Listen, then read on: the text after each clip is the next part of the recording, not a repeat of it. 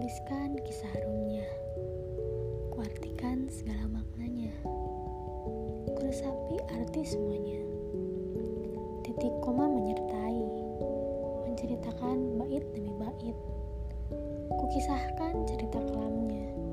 Kuberikan salam padanya. Hingga saatnya nanti, surat titipan ini dibaca.